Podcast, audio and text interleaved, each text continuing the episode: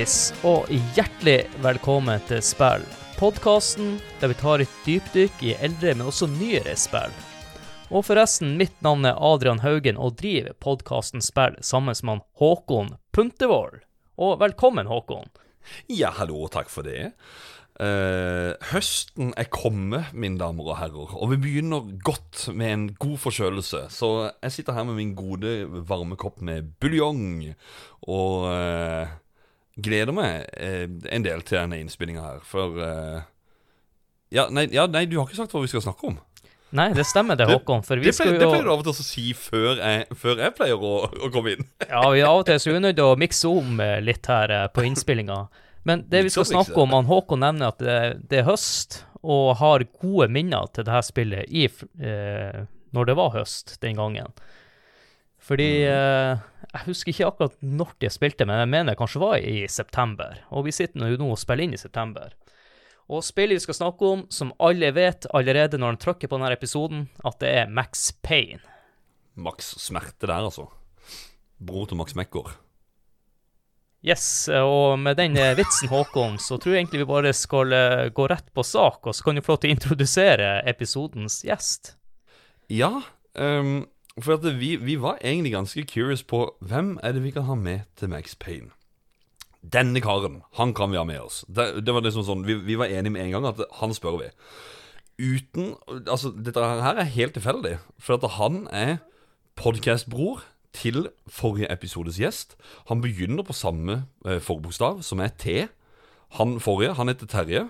Han her, han heter Trygve Solli, og kommer fra Spillegals podcast. Velkommen! Tusen takk, tusen takk. Veldig hyggelig. Ja. Eh, Går som alias Fetthesten på, på forum og Discord-kanaler. Ja, stort sett så er det fetthesten. Det er, ja. skal jeg, vil du ha bakgrunnshistorien? Skal, skal vi ta den kjapt, eller er det det er veldig kort. Det er, Ja. det, det er bare at eh, jeg skulle ha noe som eh, var unikt, og som var på norsk. Mm. Og så bare ramla det inn i huet. Så etter det har det vært fetthesten, da. Så det er, eh, Jeg syns det er fint. Ja, ja. fint. Så det er veldig artig hver gang mamma skal si at hun har fulgt med på Instagram og sånn, og bare Ja, jeg fulgt deg på Instagram, Fetthesten. Det er eh, Så kanskje neste gang man skal velge nick, så velg noe som er litt bedre. Mm. Som er litt Så det blir ikke for korta til fetta, da. Nei, det har vel Nei, altså nå, nå har ikke jeg prata med så mange nordlendinger i det siste, så det, men kanskje hvis jeg var litt mer aktiv der, så kan det hende. Jeg, jeg skal spare deg for den lille forkortelsen der. Men det han Håkon nevnte i stad, at hvordan kom vi til å spørre akkurat det? For det var jo Jeg tror det var før ferien, så var det snakk om at eh, Max Payne hadde noe jubileum, et eller annet. Ja. Eller eh, den kom nå ut på en eller annen dato. Og da var du en av dem som heiv deg med i denne eh, praten da, inne på discorden vår. ja. Og vi vet jo også at du er jo med i den podkasten han Håkon nevnte, Spillegards podkast. Og Oh, da yes. tenkte vi at eh, vi har jo ikke hatt deg som gjest før, så det her passer jo perfekt. Og denne diskusjonen inspirerte jo også meg og Håkon til å lage denne episoden. For Max Ja. Payne er jo et spill som har stått i det berømte, hemmelige dokumentet vårt nå i over fem år. Ja. en av spillene vi ønsker å snakke om her på spill. Så uh, tida er endelig inne. ja. No pressure. Og som vi alltid bruker å spørre gjestene våre som eh, Kan du fortelle litt om ditt første møte med Max Payne, hvis du husker det? Det er klart jeg kan si det. Eh, det er jo Da må vi bare si eh, med en gang at Max Payne kom ut i året 2000. 2000. Dette var året hvor jeg var ferdig på videregående. Og eh, rett etter videregående så var det i Forsvaret, og så etter det så var det over på studier. Som gikk til helvete, det er en annen historie, men det, det, en av grunnene var jo det at da jeg studerte, så flytta jeg på hybel for første gang. Fikk min første egne gaming-PC, eh, istedenfor å måtte spille på pappa sin PC, som var eh, ikke helt eh, topp kaliber. Så da kjøpte jeg ordentlig greier. Jeg husker ikke hva slags Specs det var, annet enn at det var et GeForce 3-kort, som var ganske så nytt da jeg kjøpte det. Og da var det jo selvfølgelig inn med Max Payne. Det måtte man jo ha. Jeg hadde ikke kjøpt det på det tidspunktet, men det lot ikke det hindre meg, da. Mm. Fra å få spilt det, som eh, man vel kanskje kjenner igjen da, fra PC-gaming rundt eh, årtusenskiftet, at det var litt sånn. Eh, Men jeg husker det veldig godt at det var å laste det ned og legge det inn og kjøre det i gang, og på kunne skru grafikken opp på maks. Max Payne, selvfølgelig.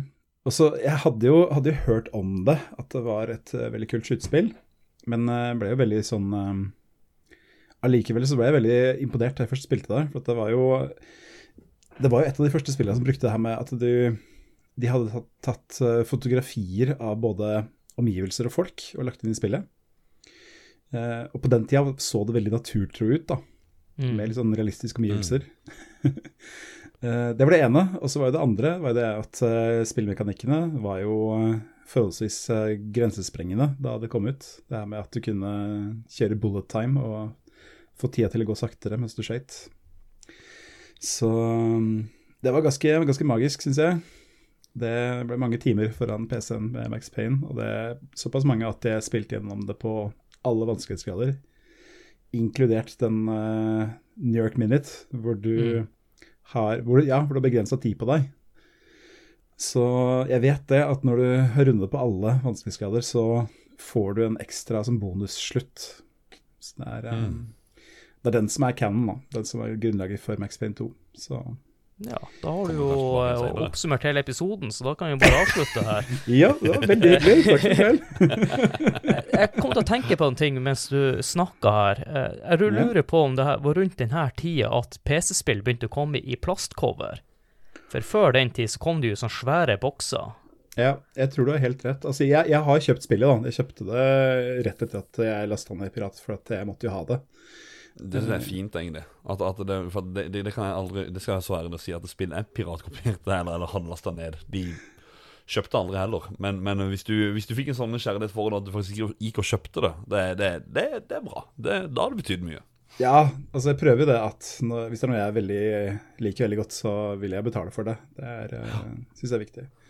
Mm. Det er jo litt Eh, ikonisk det coveret også, med Max Payne. Ja. Det er liksom den der, der etterlyst eh, plakaten, uh, Wanted Ja. Med litt sånn uh, polititeip over, og så den logoen da, i store bokstaver. Mm. Så eh, det er veldig, veldig, veldig, veldig skal vi si, ja, ikonisk cover. Um, så um, ja, jeg, jeg kikka jo i anledning vi skulle ha den episoden her, så kikka jeg jo på coveret på nytt. eh, hvor jeg skulle legge inn spillet og spille gjennom det på nytt. Og da eh, fant ut at jeg har tatt vare på kvitteringa. oh, ja. så, så jeg vet det at uh, da jeg kjøpte Max Payne, så var det på Gjøvik uh, Elkjøp storsenter. I 2001, da. Så en liten Herlig. stund ja, det er jo kult. Jeg tror, jeg tror det er han kompisen min som hadde Max Payne, kjøpte det på Ram og Rom for dere er fra Tromsø som hører. Ja, ja, ja, ja, ja.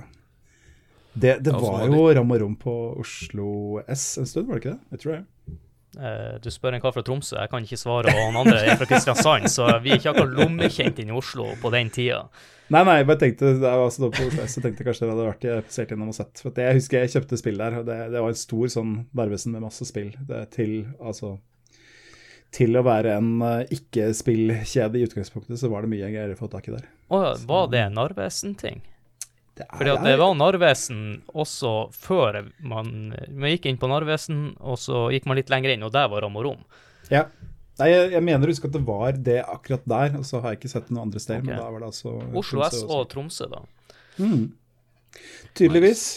Da, jeg skal ikke si det helt sikkert, men jeg mener å huske det også. Håkon, du som var ti år eh, i, på den Ja. tida, spilte du spillet når det kom ut, eller tok Ja. det noen eh, Jeg husker veldig godt første gang jeg spilte det. Da, da sov jeg hos eh, min nabo Nikolai. Eh, våkna i typ sånn syvtida på morgenen. Vi gikk ned og satt og så på noe sånn Ja, jeg, jeg, husker det var, det var så tidlig. Og det som var så dritt med tidlig på barne-TV, det det var bare sånn Teletubbies og sånn dritt. Så vi satt jo bare og kjeda livet av oss. Da ringte vi opp og til John Arild. Eh, er du våken? Ja. Kan vi komme opp og spille Max Payne? Eh, Nikolai som spør om dette. Jeg vet ikke hva det er for noe. Jeg tror så seriøst klokka var halv ni eller et eller annet. Og, og for meg da som voksen nå, som, som har barn i den alderen jeg var i da, jeg hadde ikke vært rimelig fornøyd om ungene hadde begynt å fått masse besøk her halv ni på morgenen for at de skal spille et spill. Men altså, det skjedde der. Så vi dro opp til Jon Arild, og vi spilte Max Payne. Og eh, for en ti år gammel gutt som egentlig ikke spilte så veldig mye skytespill, så vil jeg si at, eh, som tidligere nevnt, en bullet time var litt sånn derre What? Åssen er det mulig? Fet. Dritkult. Så det var egentlig sånn eh, Ja, brukte opp den derre painkiller eh, Eller den der, den der baren eller hva det var for noe. For fløy bare slow motion hele tida. Det var opp, ned trapper, hvor enn vi skulle. Um, så det var mitt første møte. Og så er det egentlig bare et spill som har ligget der siden, eh, og blitt spilt litt her og blitt spilt litt der, og ja et, et artig spill, rett og slett. Enn du, Adrian? Eh, Jeg var, nevnte jo litt innledningsvis, jeg spilte jo det når det kom ut. eh, Eller vi kjøpte det på høsten, og selvfølgelig med det coveret han Trygve nevnte. Eh, Det var min kompis Øystein som kjøpte det, så han hadde akkurat flytta på hybel, da, for det her var første året på eh, videregående, og han er fra en plass ut, langt utenfor Tromsø, så han var nødt til å flytte. Og jeg husker også det var masse regn og sånn, så det passa jo perfekt å sitte inne i mørket og regne ute og spille Max Payne. Du kunne ikke fått ei bedre stemning. Og jeg mener jo også spillet ja, kom på ei bra tid, da, i hvert fall for oss.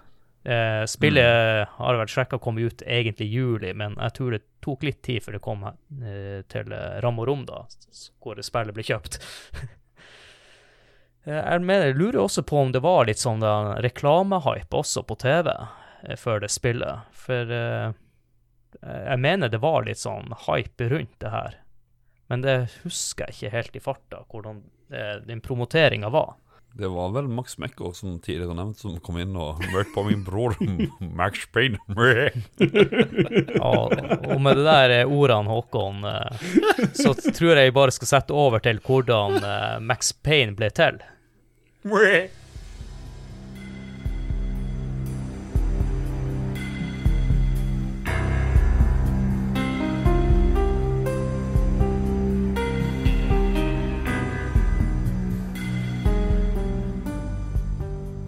Max Payne var spillet som revolusjonerte spillbransjen med innføringa av bullet time. Og nå skal jeg fortelle dere hvordan det hele starta, men først må vi dykke litt i historien til det finske spillselskapet Remedy Entertainment. Selskapet Remedy er faktisk et resultat av ei lita gruppe kalt Future Crew, og de hadde vært aktive innenfor PC- og Amiga-demoscenen siden slutten av 80-tallet. Og det som kickstarta det hele for Remedy, var i 1993 så ble Finlands første kommersielle spillselskap oppretta, som heter Bloodhouse and Terra Mark U. Og de her var med på å kickstarte litt denne eh, spillbevegelsen i Finland. Og det her inspirerte også fem medlemmer av Future Crew til å opprette sitt eget spillselskap. Så den 18. august 1995 så ble selskapet Remedy Entertainment oppretta, hvor de i starten måtte jobbe hjemmefra i kjelleren hos foreldrene til han Samueli Syshuko, som var en av co-founders av selskapet. Jeg vet jeg slakta navnet der. Deres første prosjekt, grunnet et veldig lavt budsjett, var et racingspill kalt High Speed. Og de var jo også veldig uerfaren og fersk i gamet. Og Derfor bestemte de seg for å sende en henvendelse til Apogee Software og skaperen av selskapet, han Scott Miller, for råd og veiledning. Og noe av de første rådene han Scott Miller kom med, var at han ønska å implementere Weekle Combat som et ekstra element i gameplayet. Og da også endre navnet fra High Speed til et mer passende navn Death Rally. Og dette samarbeidet høsta jo flere frukter, fordi at Apogee Software ble publisher for Death Rally, som ble sluppet ut i 1996. Etter denne utgivelsen så var de klar for et mer ambisiøst prosjekt, og de sto overfor tre valg. Det første alternativet var å fortsette i samme sjanger og lage et 3D-racingspill. Det andre alternativet var et space-simuleringsspill i samme format som eh, spillene Descent og Freespace. Og det siste alternativet var en top down isometrisk shooter med arbeidstittelen Dark Justice. Også denne gangen så valgte de å henvende seg til han Scott Miller. og de presenterte de her alternativene for han. Og det var Dark Justice-prosjektet som trigga han mest. da. Han poengterte at konseptet fortsatt trengte en god del arbeid, og råda teamet til å følge i fotsporene til Duke Nukem 3D ved å skape en sterk hovedkarakter med personlighet, og droppe top down-perspektivet til fordel for 3D. Og ved disse justeringene mente også Miller at Remedy kunne oppnå en mye større suksess med prosjektet sitt. Etter dette møtet så vendte de nesen hjemover mot Finland, og satte i gang med endringsarbeidet på Dark Justice etter alle tilbakemeldingene de hadde fått. Teamet hadde også latt seg nå inspirere av tredjepersons actionspillet Tomb Raider. Men her igjen så advarte at Scott Miller dem mot å gjøre ting for likt Tomb Raider. Så han foreslo at de burde droppe noe av elementene spillet hadde, for å distansere sitt spill ifra å bli sammenligna med Tomb Raider og bli en slags Tomb Raider-kopi. Det var en annen ting som hadde plaga Remedy i en lang periode, for de var ikke helt fornøyd med tittelnavnet Dark Justice. Og han Miller mente de burde komme opp med et mer fengende tittelnavn, og gjerne bruke hovedkarakteren sitt navn i tittelen, sånn som Apogee hadde gjort med Duke Nukem-serien. Den nye tittelen de kom opp med, var navnet Max Heat, som de endte opp med å lisensiere. Men en måned senere så hadde de landa på et litt mer fengende tittelnavn, Max Payne, som klinga mer, som også skulle figurere som hovedkarakterens navn. Det neste som sto på tapeten, handla nå om å lage en god story og en interessant karakter som kunne dra nytte av navnet. Og mannen som fikk i oppgave med å skape denne spennende storyen og dybden til Max Payne, var Sami Antaro Jarvi, bedre kjent som Sam Lake. Remedy hadde jo nå jobba en stund med spillet. Cirka halvveis inn i prosjektet så fikk de besøk av han Scott Miller, for han var nysgjerrig på hva de holdt på med, og hvordan det gikk med det her eh, Max Payne-prosjektet. Og her fikk han en presentasjon av en ny feature som jeg hadde lagt til. For når fiender ble drept, ble det trigga en slow motion death cam som visste det her på et dramatisk vis. da. Etter presentasjonen så var jo han eh, Scott Miller veldig imponert over det han fikk se av denne nye spillmekanikken. Så han foreslo å bruke den her også i selve gameplayet. Og han så at denne eh, mekanikken kunne trigges ved hjelp av et enkelt tastetrykk. Så på denne måten så var bullet time-mekanikken født. Vi må ikke glemme at uh, Remedy fortsatt var et lite selskap, enda de hadde Apogee i ryggen. Så det her betydde jo at Max Payne hadde ikke et trippel A-budsjett, til tross for at ambisjonene deres var et trippel A-prosjekt. Og derfor måtte de kutte ned på noe, og det var cutscenes. Så han, Sam Lake han foreslo å fortelle historier ved hjelp av bruk av comic strips til å dekke det meste av storytellinga. Et annet tiltak de gjorde for å spare utgifter, var å droppe alt som hadde med en multiplier-del å gjøre. Og for det andre så ville det også være ganske vanskelig å få til denne bullet time-funksjonen i en slik game-modus. Tross alle de her kutta de måtte gjøre, så innså Remedy at de jobba med noe unikt og det her medførte jo at prosjektet ville ta lengre tid enn hva de hadde forventa. Og opprinnelig var det jo planlagt å slippe ut spillet i 1999. Og derfor slapp de ut i pressemelding om at Max Payne ville ikke få noe offisiell releasedato, og de var innstilt på å bruke den tida som var nødvendig til å få spillet helt perfekt. Så etter fem år med utvikling var Max Payne endelig ferdig. Og spillet ble sluppet ut 24.07.2001 til PC. Og spillet høsta gode kritikker, hvor IGN ga spillet 9,5 av 10. Max Payne ble også utgitt etter hvert på Xbox og PlayStation 2. Og utrolig nok så fikk de også pressa inn spillet på Gameboy Advanced. Og det som er interessant her, er at spillet fikk et isometrisk view, som det egentlig var tiltenkt helt i tidlig planleggingsfasen av Dark Justice. Og helt på tampen her så vil jeg nevne at 6. april i 2023 så ble det annonsert at Remedy jobber med en remake av Max Payne 1 og Max Payne 2.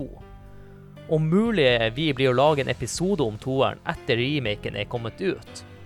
Og før dere skal få lov til å slippe til her og kommentere, så må jeg også bare nevne at i 2009 kom det en Max Payne-film som floppa big time. Og da lurer jeg på var det noe jeg fortalte dere nå som var nytt for dere, eller er det noe dere har lyst til å kommentere eh, med tanke på det som har blitt sagt? Nei, altså det, det er ikke så mye å kommentere. Det er jo en veldig grundig gjennomgang. Eh, det eneste jeg vil si, som eh, du merker I hvert fall, så merker du det hvis du spiller spillet i dag. Det er det at det her med at det ikke var det høyeste budsjettet og sånne ting. Mm. Eh, du, du ser det veldig tydelig på de historiesekvensene som er de der fotostripene. Ja. Mm. du, du, du ser veldig tydelig at uh, det er ikke skuespillere de har leid inn, akkurat. Det er liksom venner og kjente. ja. det er sånn bare Hva slags kostymer skal vi ha? Ah, ta på deg lue, ta på deg den, ja, den kule jakka du har i skapet, liksom. Det er Du ser det spesielt godt på sånn som hun eh, som skal være Hun som skal være hun TV-hallo-dama, liksom. Og et par av de her goonsa som bare ja, har på seg en billig dress fra Dressmann, liksom. og en trenchcoat. Det er ferdig kostyme. Vet, vet du hvorfor de Eller jeg nevnte jo det her med budsjettet, men det, dem de henta inn, var jo folk sjøl som jobba der, Mm. og venner og familie og sånne ting. Og Ja, ja. Max Payne er jo han eh, Sam Lake. Ja, ja. Og du, du, du ser det så godt uh, også at uh, de har hatt det moro når de har laga de, de bildene der. Det er, du ser mange sånne grimaser sånn eh, de gjør seg til og liksom står nesten og gliser når de skal, når de skal være seriøse. Sånn. Det er også litt morsomt. Altså det, Mm. det, det ser jo liksom ikke Det, det ødelegger jo litt for innlevelsen, kanskje, men det, det ser jo bare Det ser artig ut, da. Det er Du må liksom ikke ta det på alvor. Det, det er meninga det skal være litt sånn gøy og moro. Det tror jeg absolutt.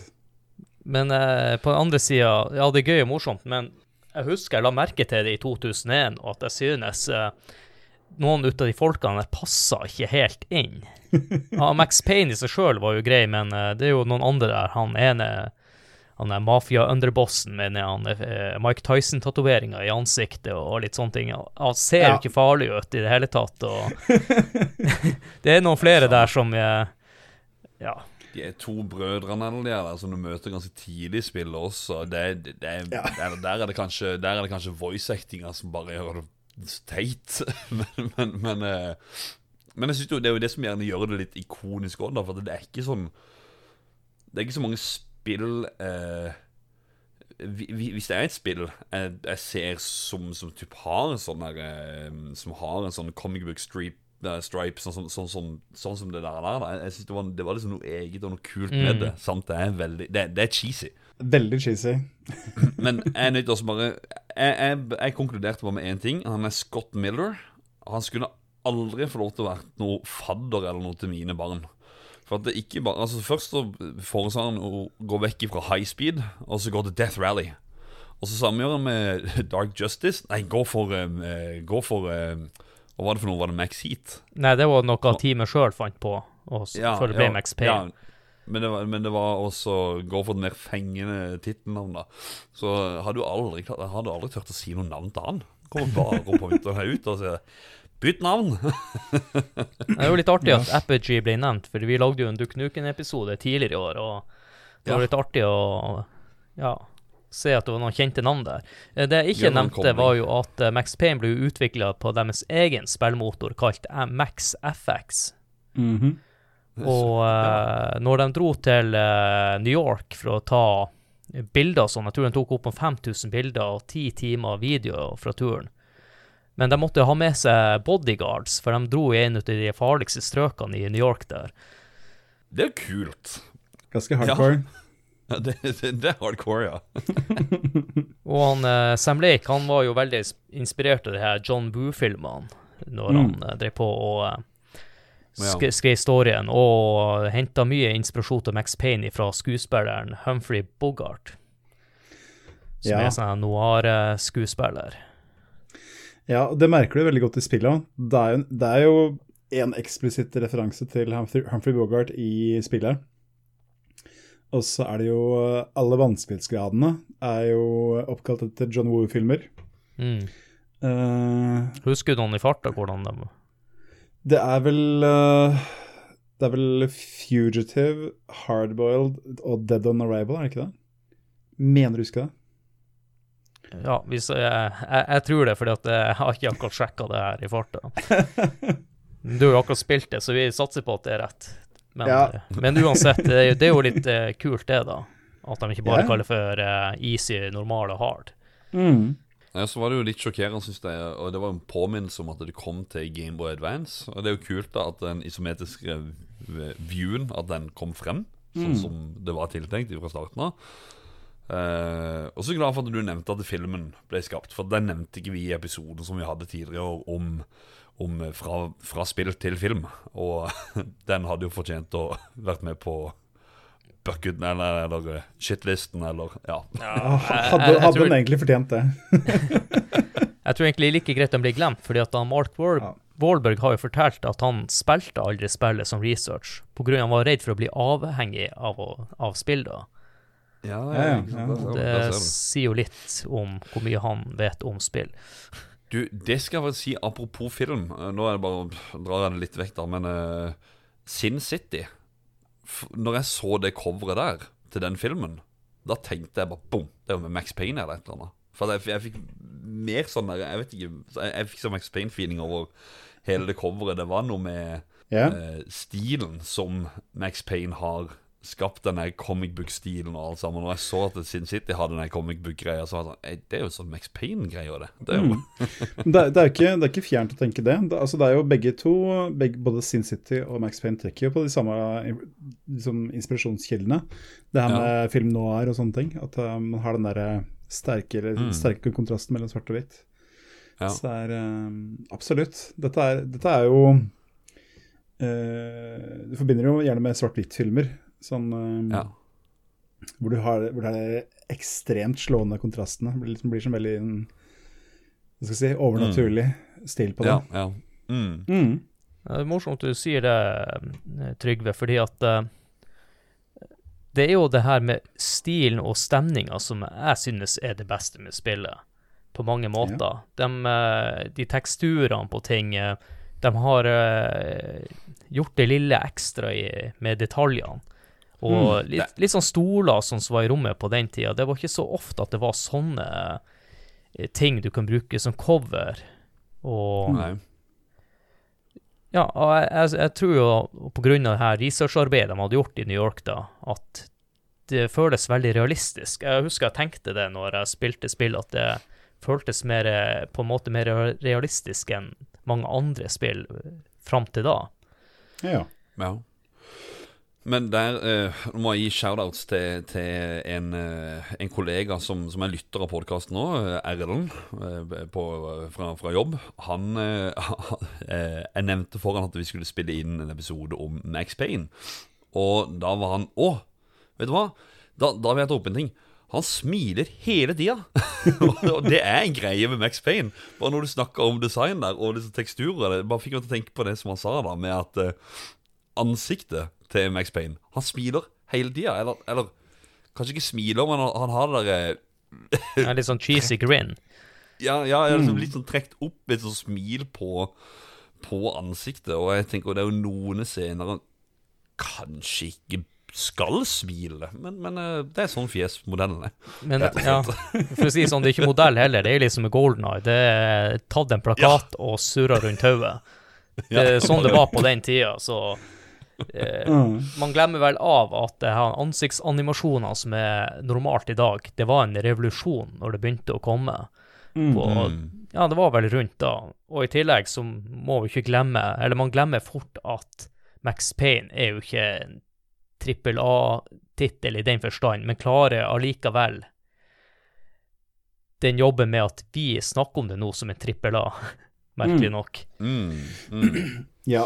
det, altså det er, det er, jeg er veldig enig i det der, altså det med ansiktsanimasjoner og sånn. Du, du ser det der òg, det her liksom litt sånn low budget-feelen. For at eh, Ja, altså Max han går alltid rundt den grimasen sin. da. Mm. Der, jeg husker det Mm. fra da jeg leste uh, Spillbride på den tida, sånn, sånn Ja, Max Payne ser ut som han eh, må veldig på do hele tida, liksom. Det, det var humoren på den Ja, tida. ja, ja, det kan faktisk være det også. Ja, og så, så er det spesielt noen av de her uh, goonsa du møter seinere i spillet, som uh, De der gutta som går ut i dress og solbriller.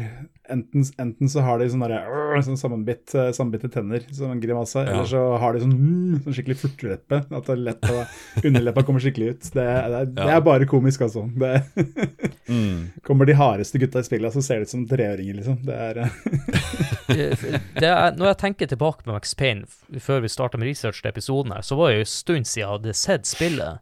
Så jeg så for meg ansiktet til han Trevor fra GTA 3 hele tida. Så jeg ble jo Ja. overraska når jeg fikk Ah. se det smilet. Det er jo det som er litt artig av og til med, med å gjøre research, at du husker at det var sånn, men så får du eller så, så ser du jo at det er ikke i nærheten av sånn som jeg husker det. Og Max Payne er jo en karakter som ser ut Har et utseende som ikke samsvarer med min hukommelse. mm. Så for meg så er det jo utrolig rart å ja, ja, se at eh, det er han Sam Blake, da. Eh, Så Ja. nå skal vi ikke snakke om toa, men i toa så synes jeg at de gir han et utseende som passer bedre. For det, det er jo også litt med de her karakterene at siden det er mange venner og folk som jobber i Remedy, og de var jo fortsatt ganske unge på den tida, Mm. så, så er det litt sånn den eh, ja, 24 år og en mafia, eller underboss i mafiaen som tar bra mange år egentlig å bli, normalt sett. Så det er litt sånn vanskelig å kjøpe eh, Ja, den kunne kanskje ha prøvd, i hvert fall, å å gjort noe med det, da. det, det kan man si, men altså, man tager hva man haver. Altså. Jeg, jeg skjønner det at de tenker at vi, bruk, vi blåser ikke hundretusenvis av eh, penger på å leie inn skuespillere. Det gjør vi ikke. Det skjønner jeg at de tenkte. Så jeg, jeg lurer på om jeg, mener du huske at i Max Payne 2 at det er han James McCaffrey som er eh, modellen til Max i det spillet. Og det er jo han som er stemmen til Max. Mm. Det er mulig, Ah, ja. mulig det er feil, jeg husker ikke. Nei, heldigvis for oss så er det ikke en Max Payne 2-episode, så vi kan berge oss eh, fram til da. Da skal vi eh, kunne gi lytterne det riktige fasiten, i hvert fall. Uh, vi er jo selvfølgelig nødt til å snakke om det som er stjerna i spillet, bullet time-funksjonen. Mm. Og hvordan synes vi de klarer å implementere denne funksjonen i spillet? Og på en måte også blitt en liten template for skytespill i senere år, spesielt i, eh, i eh, det her Red Dead Redemption bruker jo den funksjonen, Mm. på en måte. Det jeg kan si, er at jeg husker jo eh, Jeg nevnte det her med at jeg spilte jo om, litt etter at det kom ut på PC. Mm. Eh, jeg husker at eh, da jeg spilte det, tenkte jeg bare fy fader, det er eh, Dette var jo rundt tida Ja, liksom, det var jo liksom PlayStation 2 hadde vel akkurat kommet omtrent. Um, så, så husker jeg spilte Max Payne og tenkte dette her er et PC-spill. Du kan ikke få det på konsoll. Og det var jo delvis riktig. Max Payne 2 kom jo til PlayStation 2, men det var veldig nedkutta, hvis ikke jeg husker helt feil. Uh, men det hadde sammenheng med dette med bullet time, at liksom du, du Altså hele spillet bare går saktere, og det er ikke bare bevegelsen og fysikkmotoren, det er liksom også lydeffektene og alle sånne ting. Um, så altså, du, merker det at de har jobba mye med at akkurat det skal sitte helt perfekt i spillmotoren. For at mm.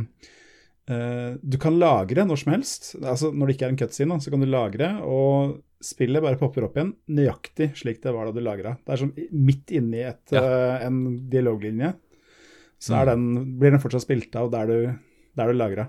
Så det er, Ja. de bare har et snapshot av akkurat åssen spillet var. Og det jeg husker jeg var sjukt imponerende den gangen da. altså.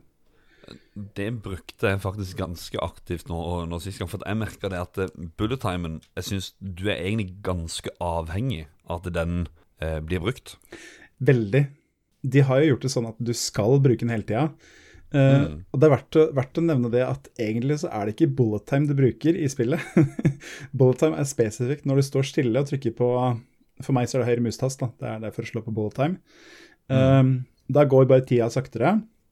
Men det, du, det jeg bruker hele tida, det er shoot dodge. Som da er at du beveger deg i en retning, og så trykker på bullet time-knappen. Så kaster Max seg til sida eller framover eller bakover, eller på skrå. Og så går tida saktere da. Og det er, eh, det er den funksjonen du er ment å bruke hele tida. Fordi eh, når du bruker den, så er Max så godt som usårbar. Eh, ja. ikke nok med det, du får, eh, hvis, du har, eh, hvis du har tomt magasin på våpenet ditt, så blir det bare øyeblikkelig lada opp. Så det er eh, Du kan, du kan eh, spille spillet sånn at du tømmer magasinet eh, i shoot dodge, og så tar du shoot dodge med en gang etterpå, og så får du fullt magasin med en gang. Så, oh, ja. ja, ja. Og bare, bare for å teste, det er, det er et øyeblikk i spillet hvor du Når du skal eh, raide herskapshuset til han mafiadonnen. Og da er det ett punkt hvor du eh, går inn en dør, og det første som skjer, er at det står en gangster bak der og skyter en granat rett i ansiktet på deg. Eh, bare for å teste, så prøvde jeg bare å shoot-dodge gjennom døra, slik at eh, Max treffer den granaten rett i, får den rett i trynet når han kommer inn døra. Og han overlever. Hvis du går inn i bullet time eller bare vanlig, så dør du med en gang. Men eh, du overlever med shoot-dodge. Så da Ja, riktig, riktig. Ja, nei, jeg, jeg, satt- jeg satt og tenkte på sånn, Fins det typisk sånn speedrun-greie uten å bruke den der eh, effekten der, da? Men da, da Garantert. Det fins garantert, for at det er folk Ja. gjør de sjukeste ting. Så Ja, det er jeg jeg, eh, jeg, sy- jeg syns det er vanskelig uten, for å si det sånn. da Men det, det, det var det jeg ville si, at den quicksave-funksjonen Altså den blir brukt så sinnssykt mye i dette spillet her. F5, F9. Det er Ja. liksom quick load. Det er Oh, yes. konstant. Og det er jo en eh, grunn til vi bruker den funksjonen, for at spillet er jo eh, ikke akkurat lett, vil jeg si. Man dør mange Nei. ganger. Mm. Ja, altså det, det, er, eh, det, det er jo riktig det at det er vanskelig. Altså du, men det, det er meninga at du skal bruke det veldig aktivt. Altså både, som du sier, quick save, og du skal bruke shoot-dodge hele tida. Det er det det er bygd opp rundt hele opplevelsen. Det er, eh, det, er, det er rett og slett for at du skal ha et insentiv for å bruke shoot-dodge. Det er eh, Så kan du si at det er kanskje litt i overkant, men eh, jeg vet ikke. Altså, jeg, jeg er litt inhabil, da. Jeg er så vant med å spille dette. Jeg, jeg har jo spilt det så ufattelig mye, så jeg, det er bare sånn det er. Mm. Men det er, altså det, er, det er et godt tips bare hvis, hvis, hvis man ikke har spilt det før og tenker at dette vil jeg prøve, så vær forberedt på at du må legge inn um, uh, quicksave-knappen veldig, veldig ofte. Um, Ja. En ting som også er verdt å nevne i den sammenheng, er det at um, det står på eska at uh, spillet er det første, står det, påstår det da, at, som Mm. justerer vanskelighetsgraden til hvor bra du spiller. Uh, det er riktig at det er en funksjon som justerer vanskelighetsgraden, det er bare at den er, den er bugga. så, så det blir mye vanskeligere enn det egentlig skulle vært. Eh, så, du, altså, så fort du runder et hjørne, så får du ei kule i trynet. Det er bare regelen i Max Payne. Men eh, så hvis man går inn på det jeg skal, det jeg skal spille nå, kan du nevne det også, hvis du har tenkt å spille dette her i dag, og har en Ja, det, det fins på Steam, men den er uh, dårlig, den versjonen også, så du trenger en fixpack. Og da finner du den på um, uh, Hva heter den da? PC Games Wiki. Um, da har du også en fiks som fikser den der tilpassa vanskelighetsgraden, som legger inn riktige verdier, sånn at du ikke bare blir helt fullstendig sårma med en gang når du runder et hjørne. Ja, nice. Så det er verdt å ta med seg. Mm. Og det er en annen ting som eh, vi ble påminnet i pausen her. eh, Vi snakka litt om det her med den her eh, bullet time, hvordan den bygges opp, men eh, det var sånn at painkillers eh, fylte eh, liv Livene som er et slags uh, glass, der, der livene Ja, altså Eller en sånn pilleboks. Ja, Mm. altså, ja, det, altså det er, du har jo Hva skal jeg si altså det er tre altså Hvis du tenker, hvis du tenker litt sånn um, uh, hvilke, hvilke stats du må holde styr på, så har du de Ja. tre hovedstatsa. Det er jo um, hvor mye skade du har tatt. Det er ikke en livmåler, det er hvor mye skade du har tatt. Eh, det, er, det er bare en sånn silhuett av Max, og når den er Mm. helt rød, så dør du. Eh, så painkillers den fjerner da det røde fra den måleren og gjør deg friskere, da. Så Det er jo egentlig det de gjør i krig. Det er bare De går ut og skyter, og så Æh, Shit, jeg ble skutt. Jeg bare ta noe smertestillende. Det er ikke noe problem, det. Og så må Ja. painkiller jeg. Så bare Yes. så Popp den pilla, og så Ja, nå er det fint. Ja, ja, jeg driter i det. Ja, ja det, det, hvis, hvis det funker, så er det jo bare å kjøre på. Det er jeg er sikker på det er eh, standard prosedyre. Nei, altså, det er det, er det ene. da. Du har det, den livmåleren, eller skademåleren, da kan vi kalle det. Mm. Og så har du ved siden av så har du timeglass, som det er bullet time. For det er en ressurs du kan bruke opp. Um, Ja, det var kanskje den jeg tenkte på. eh, den, den fyller du opp ved at du skyter folk. så det er veldig enkelt. ganske sånn sett. Og så har du da den måler som viser hvor mange painkillers du kan du har med deg. Du kan ha, eh, du kan ha maks åtte. Jeg vet ikke hvorfor de valgte akkurat det antallet, men det er noe sånn der. Så det er bare sånn pilleglass du samler, eh, pillebokser du samler ut. Det er eh, painkillers. Mm. Sikkert oksykodin, så Max er vel uh, kav avhengig den dag i dag, tenker jeg. Ja, Ja, sikkert på det. avrusning en eller annen plass i USA. Ja. Eh, en annen ting som er veldig viktig i et skytespill, det er jo våpenutvalget. Mhm. Og hva vi synes om det. Ja, nå har jeg det friskt i minnet, siden jeg akkurat har spilt det ferdig. Um, jeg husker jo Det er jo Det jeg vil på en måte fokusere litt på der, er det her med lyddesign, og hva det gjør for våpendesignen. Fordi um, uh, det er forskjellige måter du kan eh, på en måte uh, formidle altså tyngden i et våpen til en spiller. Uh, hva, hvis du har et førstepersons skytespill, så vil du jo stort sett, stort sett ofte ha rekyl på våpenet. I hvert fall i Mm. nyere spill, da. Ikke i Doom og sånne ting. Men eh, jo, altså for så vidt. Doom også, men sånn, altså, det formidla jo tyngden i et våpen ved hvor, hvor ofte du kunne avfyre det. Ja. Sånn at rakettene, de kan du ikke Du kan ikke spamme raketter i Doom, for at det, det trenger litt tid på å komme seg etter at du har skutt den. Uh, Max Pin er sånn at det er et trepersonsspill. Du ser jo bak skuldra til Max hele tida. Og rekylen blir jo ikke formidla på samme måte. Uh, så lyden spiller en veldig stor rolle i å formidle hvor tunge våpnene er. Uh, så det du starter med, er sånn beretta 9 mm pistoler, som du kan eh, bære én eller to samtidig. Uh, og det, det er sånn skikkelig pea-shooter, for at lyden er sånn pju, pju, pju. ja. Det er, Ja. Den er skikkelig, skikkelig veik, ikke sant? Det er en ganske sånn fislete lyd. Um, men så, har du, så får du uh, pumpehagla, som, da- som drønner, ikke sant? Det er sånn skikkelig sånn Og du hører den, eh, det ladegrepet og sånne ting. Den er mye tyngre, ikke sant? Uh, Mm. men det, så, det som på en måte er litt paradoksalt der, er at når du etter hvert i spillet så får du en eh, jackhammer, en sånn automathagle med sånn ja. tønnemagasin, um, som jo er et beist på alle måter. Den, eh, du, kan, du kan jo skyte av fire-fem runder med hagl i ansiktet på noen på noen få sekunder, og det er, altså, den pløyer vei vellinga, for å si det sånn. Men det føles så eh, fislete, for at det er, det er sånn litt sånn. Det er så det er skikkelig Mm. sånn eh, det er Lydeffekten er nesten ikke til stede. Så det er litt paradoksalt, akkurat det der.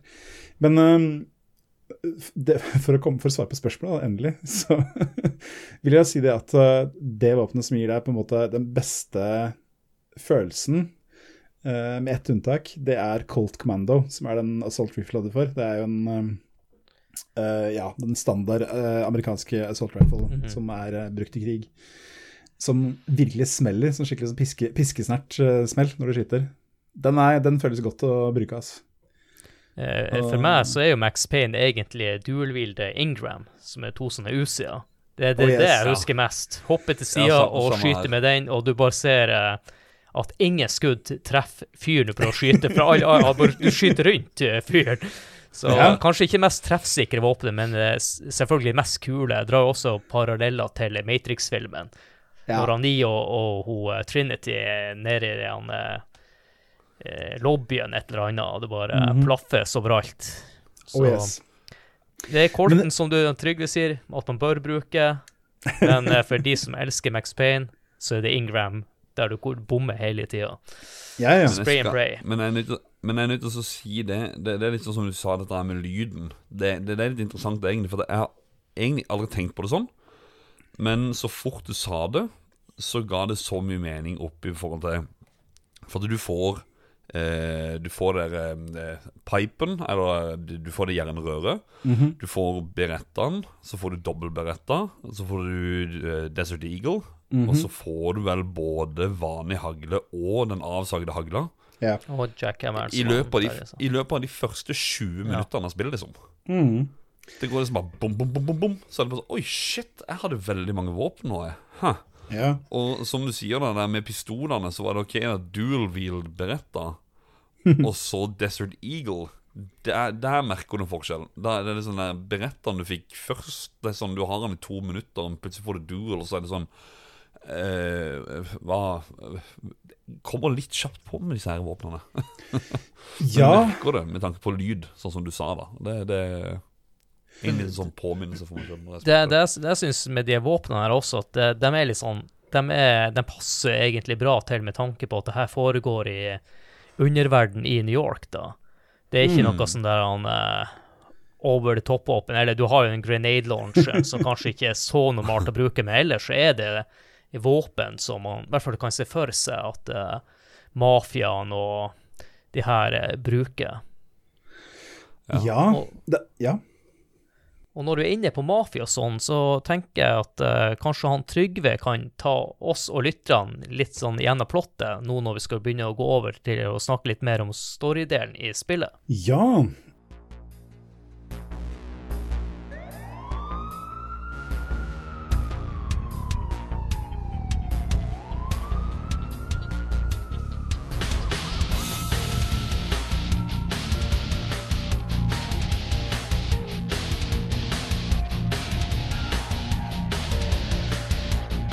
historien i Max Payne den uh, går det an å si litt forskjellig om. Uh, vi har vært inne på det tidligere, med mafien og sånne ting. Men uh, det er ikke der det starter. utgangspunktet for Max Payne, det første du ser, er jo faktisk du, ser, du starter med slutten av spillet. Du starter in medias rest, som det heter. Hvor Max står på toppen av en bygning med et, med en, et gevær i hånda, og så sier han at Endelig er det slutt. Alle er døde. Eh, men for å vite åssen jeg kom meg hit, så må vi gå tilbake. Det starta for tre år siden. Og så er det da selvfølgelig flashback til um, en episode i livet hans som var veldig avgjørende, hvor uh, han kom hjem fra jobb, som, fra, altså fra politi, politijobben sin, og finner at det er noen har brutt seg inn i huset hans, hvor kona og eh, vesle dattera hans er løper opp og ser at uh, de har drept uh, familien hans og er i ferd med å drepe han, så han dreper de isteden. Er da selvfølgelig helt knust og uh, slutter, slutter, i politiet, i gåseøyne. For han istedenfor å jobbe for politiet, da, så går han undercover for å infiltrere dette her narkomafia-miljøet. og da, det er der vi starter på første, første brett, da, at han er en undercover politimann i mafiaen. Uh, som skal møte kontakten sin da, i politiet for første gang på flere år. Uh, og det går selvfølgelig rett til helvete. Så um, han, kontakten hans blir drept, og han sjøl blir jaga av både politiet og mafiaen. For de har, noen har avslørt at han er undercover. da. Ja, og så er det jo vel bare det, det, er jo ikke mange heller i politiet som vet at han er undercover. Det er jo han kontakten, og så det er en til. Ja, det er de to som vet det, og ellers så er det ingen som, uh, ingen som vet det. Og da, så det er jo mysterium, da. Hvem er det som har avslørt mm. at han er når, den ene da, er, når den ene som visste det, er død, så er det jo kanskje ikke så vanskelig å finne ut hvem den andre hvem det er som har avslørt at han er undercover, da. Nei, så Poenget er det at han, han, er, han er, på jakt etter hevn. Han vil, det er det han vil ha tak i. Han vil ta de som var ansvarlig for drapet på familien hans. Um, så han uh, begynner å Når han først er avslørt, så går han etter uh, nærmeste mafiaboss, som da er um, han um, Jack Lupino, som han heter. Mm. Så, men på veien dit så må han innom et par andre skurker som han knerter. Uh, Jack Lupino går også ned, og så finner han ut at ja, han burde kanskje ikke gått bare for den nærmeste gangsteren, han burde kanskje sekte seg inn mot toppen, så han går etter Don Punchinello, som det heter. Som da er sjefen, levederen for mafiafamilien. Og um, på veien dit så møter han uh, litt andre folk som hjelper han. Uh, han møter Mona Sachs, som er søstera til uh, kona til Don Punchinello. Mm. Og han møter Vladimir, som er en russisk gangster som hjelper ham med å få tak i våpen. til slutt så er det da showdown i herskapshuset til Punchinello. Og det går bra, helt til han skal ta cappe Donnen, da. Da går det til helvete igjen, fordi eh, da kommer den egentlig siste bossen, som da er eh, selvfølgelig lederen for et eh, eh eh, konglomerat som heter Acer Corporation. Ikke kommer... den strømavtalen, Acer-avtalen. Nei, Nei, det er liksom noe PC-er. ja, altså det, det, det, er Acer Corporation, og da er det i betydningen av altså, åser, altså fra norrøn mytologi. Um, hun uh, viser seg da å være den som har stått bak det der hele veien og har sendt de her uh, junkiene for å drepe kona til Max, siden hun uh, uforvarende begynte å få innsikt i at her var det noe som ikke stemte med det Acer Corporation. Ja, og er, eh, jeg kan bare komme med innspill her at eh, det, det Acer de lagde jo noe for eh, eh, militæret, det amerikanske Mm. militæret, en sånn drug som eh, de ikke fikk godkjent, som heter, blir kalt for Valkyrie. Og yeah. dermed bestemte jo hun da for å selge det her på, på det åpne markedet. Og det er jo, Yes. det, det er jo egentlig den Valkyrie-druggen som får Max Payne på sporet til alle det du har nevnt nå, da, som har Ja. drevet han helt hit. Mm. Det stemmer, det. Det er, jeg tenkte Det, det, det henger jo sammen dette her med altså Du har Acer og Valkyrie, ikke sant, og så har du um, uh, Ja, det er flere referanser til norrøn mytologi. Nettverket til de her uh, konspirifolka, det heter Yggdrasil Network. Og så får Max også hjelp av en som eh, holder til i The Asgard Building, som da er Mm. selvfølgelig Oscar. Og han heter Woden til etternavn. Det er jo da det eh, gamle navnet Altså det, det Hvilken versjon er det igjen? Det er i hvert fall det Altså Wednesday er jo, er jo Wodens day, altså Odins dag. Så han er oppkalt etter Odin. Han har ett øye òg, bare for å I tilfelle du ikke fikk det med, Ja. han skal være Odin. Ja, han karakteren der kan jeg si, hvis dere husker Airwolf, han der han eh, som hjalp eh, Eller han som satt dem på oppdrag. Ja. Han, han i hvite dressen, han ser jo sånn ut. Det er jo sånn, Han har ikke lapp på røyet, men eh, som jeg klarte å se, så hadde han bare et sånn svart brilleglass, akkurat som han karen i Airwolf. Ja. yes. Sikkert farga med tusj. Mm.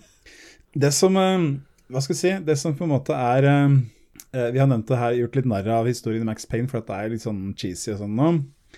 Eh, men den holder seg veldig tett til uh, noir-sjangertropene. Det er jo det her med en eh, Konspirasjon i konspirasjon. Ja, det er liksom det her med at det nøster opp en stor konspirasjon, og så har du det her med en plaga helt som eh, sliter eh, med alt han har opplevd, da. Og det er jo også to sekvenser i spillet som jeg uten noe problem kan kalle de dårligste i hele spillet. Det er de to sekvensene hvor du på en måte har et mareritt eller er eh, blitt dopa ned. For da må du inn i en sånn eh, marerittverden eh, hvor field of view blir bare strekt ut veldig. Det er en veldig kul effekt for øvrig. Men mm. tida går sakte. Du har field of view på 120 eller sånn nå. Og så må du gjennom en sånn hersens labyrint for å komme, til, komme deg ut av dette her. Og det er Ja, du ikke, hører, ikke du moro.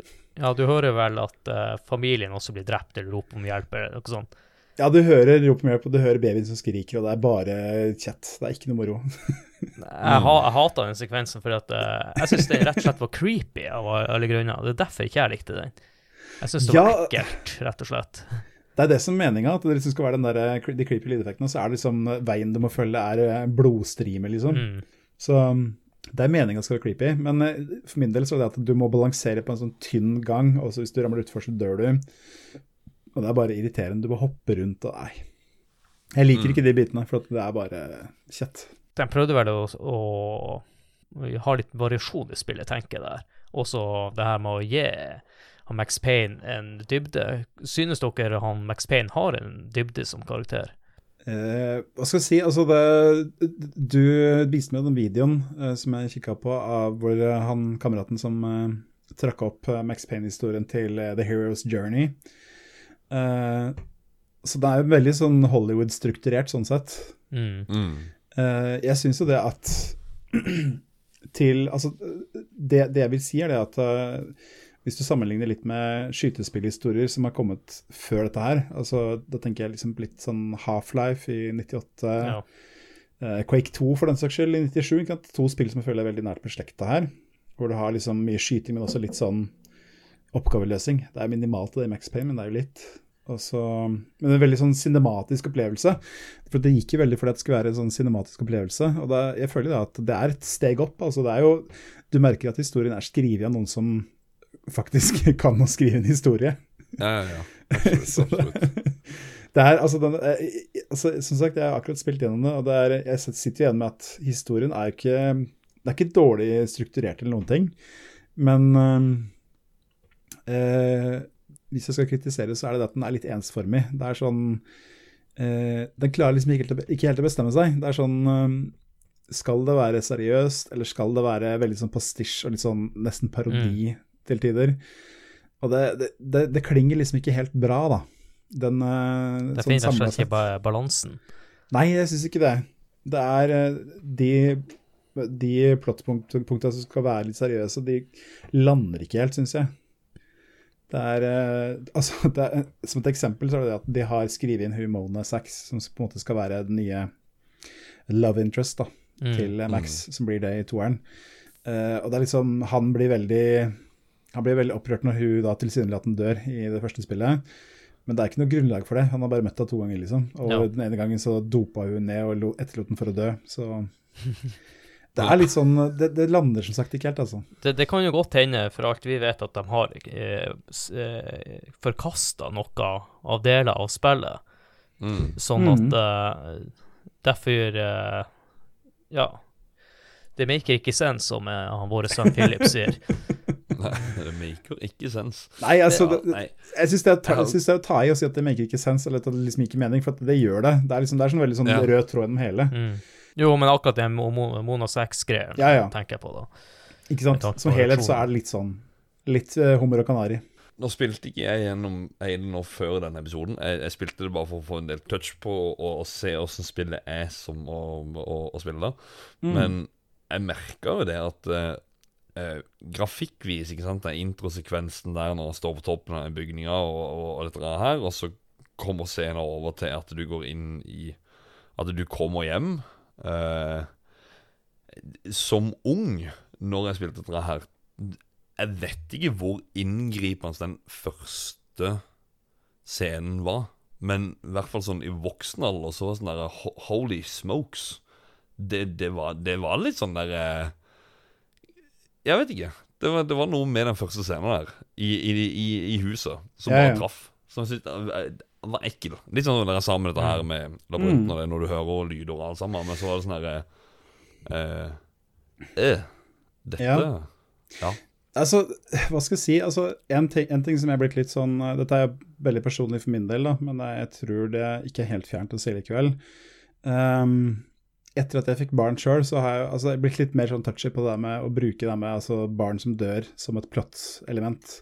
Mm. Jeg syns det er Altså Det er ikke det at uh, det blir for nært, liksom, men det er det at jeg syns det er bare så billig. Det er liksom Men, men jeg tror jo også at de her sant, så, eh, de, de, de som var Remedy her, var i, i 20-årene, og de har Mm. sikkert ikke stifta familie og sånn, så jeg tror ikke, Ikke de sant? følte akkurat på den biten. da. Nei, det er klart. det er klart, det er liksom det. Altså, jeg tenker Det er noen ting du skal være litt forsiktig med. Og jeg tenker det at akkurat det er en sånn ting da, som jeg tenker mange kan reagere litt på. Og det Jeg gjør det til dels, da. Jeg syns ikke det er helt komfortabelt. Og det er Det blir liksom så unødvendig. Altså, det, altså Ja, skal Ja. du skrive krim, liksom, så greit, gjør det, men da går det an å ha eh, voksne ofre, for å si det sånn. Men det, det er vel Ja, kanskje, et- si, det er vel kanskje litt teit å si. Det er vel er det ikke standarden i krimsjanger at det er barnedrap og pedofili og alt mulig nå? Jeg vet ikke. Jo, men, men, men hvordan, hvordan tror vi da med Jeg vet ikke om vi skal trekke frem dette her noe senere, da, men ja, for de av dere som hører episoden på et senere tidspunkt, så er vi eh, Så spiller vi det inn eh, nå etter at det er nevnt at det skal komme en remake av spillet. Mm. Eh, tror dere det er med i, eller tror dere kommer til å endre det? For at, eller, for jeg tror at spill med sånne introer, de kan absolutt nå i 2023 få litt sånn Det er ikke greit, på en måte. Ja, det kan, det kan godt hende. Det, altså det, det er interessant å se. Og jeg kan i hvert fall garantere at hvis de endrer på det, så kommer det til å være masse gamerbros som bare Å, herregud, har de, er de, er de gone woke? Har de, Ja, skal de tilpasse seg liberale? Det er liksom, det, det, er- er slitsomt, det, da. Men øhm, altså, jeg vet ikke. Det er, altså, det, er ikke det, at det, det er ikke det at jeg egentlig plages så veldig av det. Jeg bare syns ikke det er helt Jeg syns det er liksom det er, litt, det, er, altså, det er litt tacky, da, kan du si.